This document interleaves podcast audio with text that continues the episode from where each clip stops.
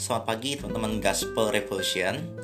Nah, pagi hari ini saya mau sharing kabar baik buat teman-teman yang paling dikasih Tuhan, teman-teman yang berharga di mata Tuhan, teman-teman yang diurapi, diberkati dengan segala hal yang baik.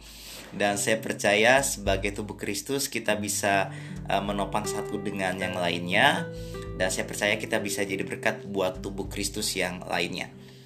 Saya akan uh, sharing uh, kepada teman-teman tentang bagaimana hidup kita itu bisa memancarkan terang Tuhan, hidup kita bisa jadi berkat bagi orang banyak. Ini terjadi saat kita terus menyadari identitas kita di dalam Kristus, bahwa kita adalah manusia yang baru.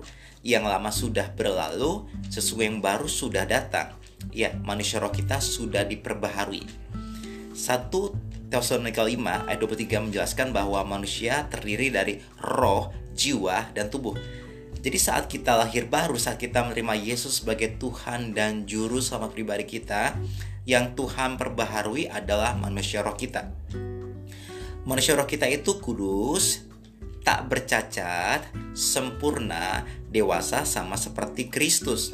Kalau kita melihat di kitab Galatia pasal yang keempat, saat kita dianggap menjadi anak Allah, kita menjadi anak Allah yang dewasa. Waktu kita lahir baru, roh kita sudah dewasa. Kata anak di sana menggunakan kata huios bukan nepios. Jadi luar biasa banget. Ini anugerah Tuhan. Waktu kita lahir baru, roh kita sudah kudus, sempurna, tidak bernoda, tidak bercacat, sama seperti Yesus sendiri. Yohanes 4 ayat 24 mengatakan bahwa Allah adalah roh barang siapa menyembahnya haruslah menyembahnya di dalam roh dan kebenaran. Jadi dengan manusia orang yang sudah diperbaharui, kita bisa menyembah Tuhan di dalam roh kita. Roh kita dan roh Allah bisa terhubung satu dengan yang lainnya. Dosa tidak memisahkan lagi roh kita dengan roh Allah. Waktu Adam jatuh ke dalam dosa, dosa yang memisahkan roh kita dengan roh Allah. Tetapi puji Tuhan, Adam yang kedua dia datang mendamaikan kita dengan Bapa oleh tubuh dan darahnya sehingga roh kita dan roh Allah bisa terhubung satu dengan yang lainnya sehingga kita bisa menerima lebih banyak lebih banyak lagi daripada Tuhan. Saya percaya kita akan terima uh, kemurahan demi kemurahan daripada Tuhan. Kita akan terima kasih karunia demi kasih karunia uh, dari dari Tuhan sendiri. Karena Tuhan sangat mengasihi kita. Tuhan berhubungan, Tuhan melihat manusia roh kita. Tuhan tidak melihat kepada jiwa kita dan Tuhan tidak melihat kepada kepada tubuh kita atau mungkin kepada perbuatan kita. Yang dia lihat adalah identitas yang baru yang ada di dalam diri kita.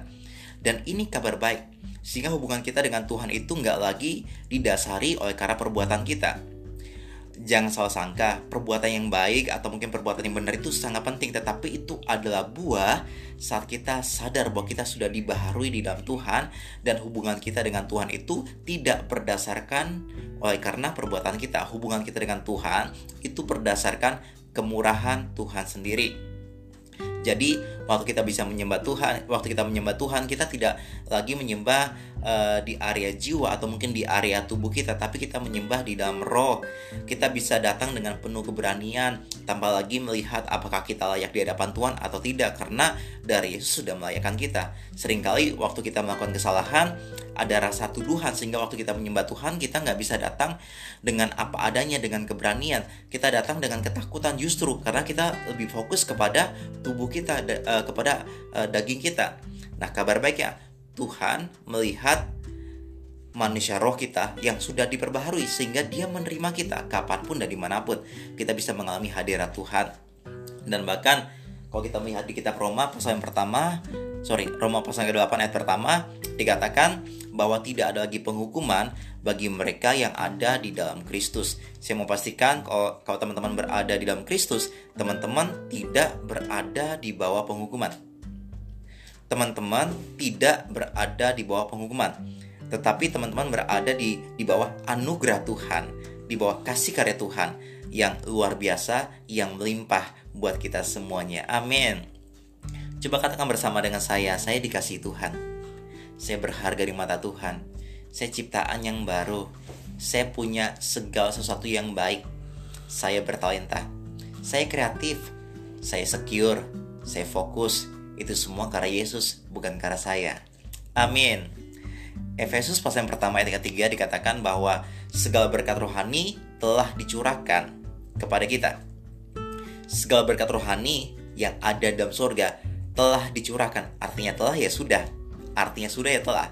Artinya Tuhan sudah memberikan kepada kita yang sudah lahir baru segala sesuatu yang kita perlukan untuk hidup di dalam dunia ini.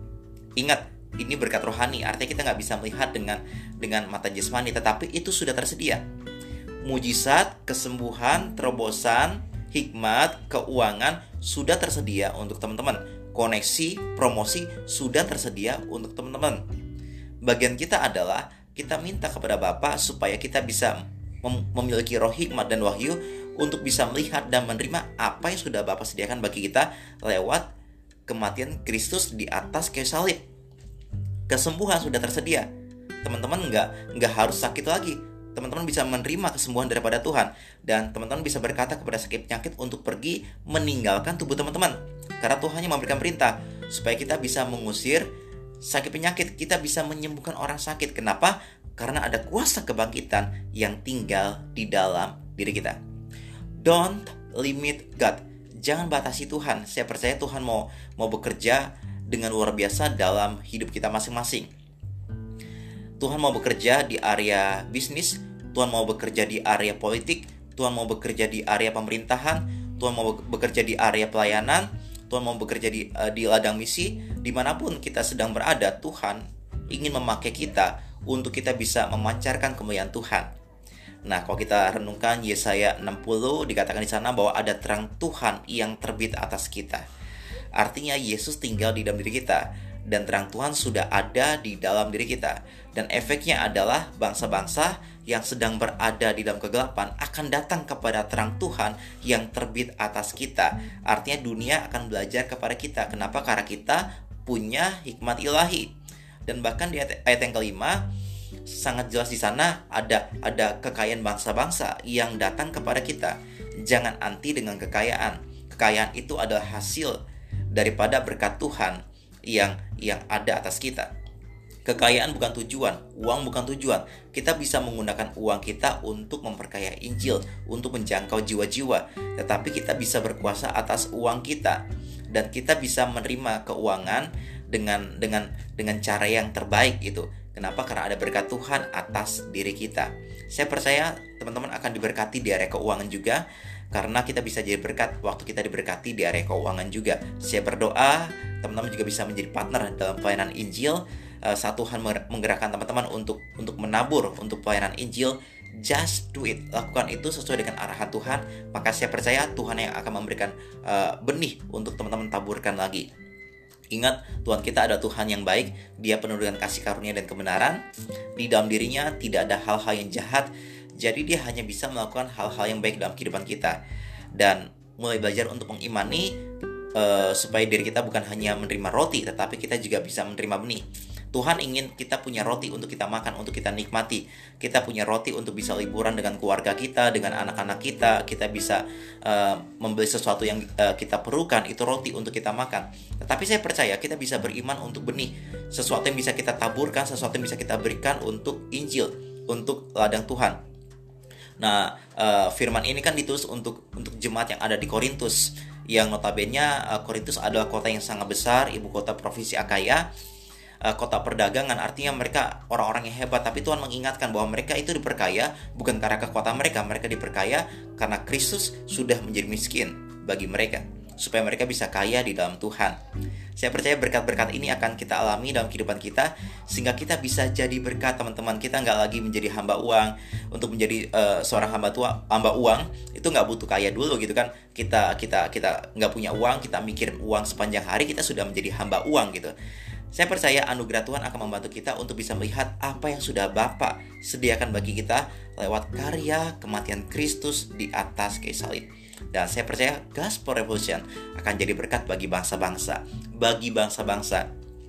Visi yang Tuhan taruhkan uh, uh, kepada teman-teman itu akan digenapi, akan akan akan lebih lagi uh, berdampak, akan lebih lagi uh, besar pengaruhnya karena Injil yang kita sampaikan, Yesus yang kita tinggikan, bukan yang lain. Dan saya percaya Injil itu bisa menyentuh setiap aspek kehidupan kita, baik di dunia bisnis, usaha, uh, marketing, uh, profesional, pemerintahan, politik di mana pun Injil kabar baik bisa bisa mempengaruhi. Kenapa? Karena Injil adalah kekuatan Allah. Saya berdoa anugerah Tuhan melimpah buat kita semuanya hari ini dan kita bisa memancarkan terang Tuhan dalam kehidupan kita. Katakan bersama dengan saya, saya adalah terang Tuhan. Karena Yesus tinggal di dalam saya. Saya berdoa di dalam nama Tuhan Yesus, anugerah Tuhan, rahmat Tuhan, kasih karunia Tuhan melimpah buat kita semuanya di dalam nama Tuhan Yesus. Amin.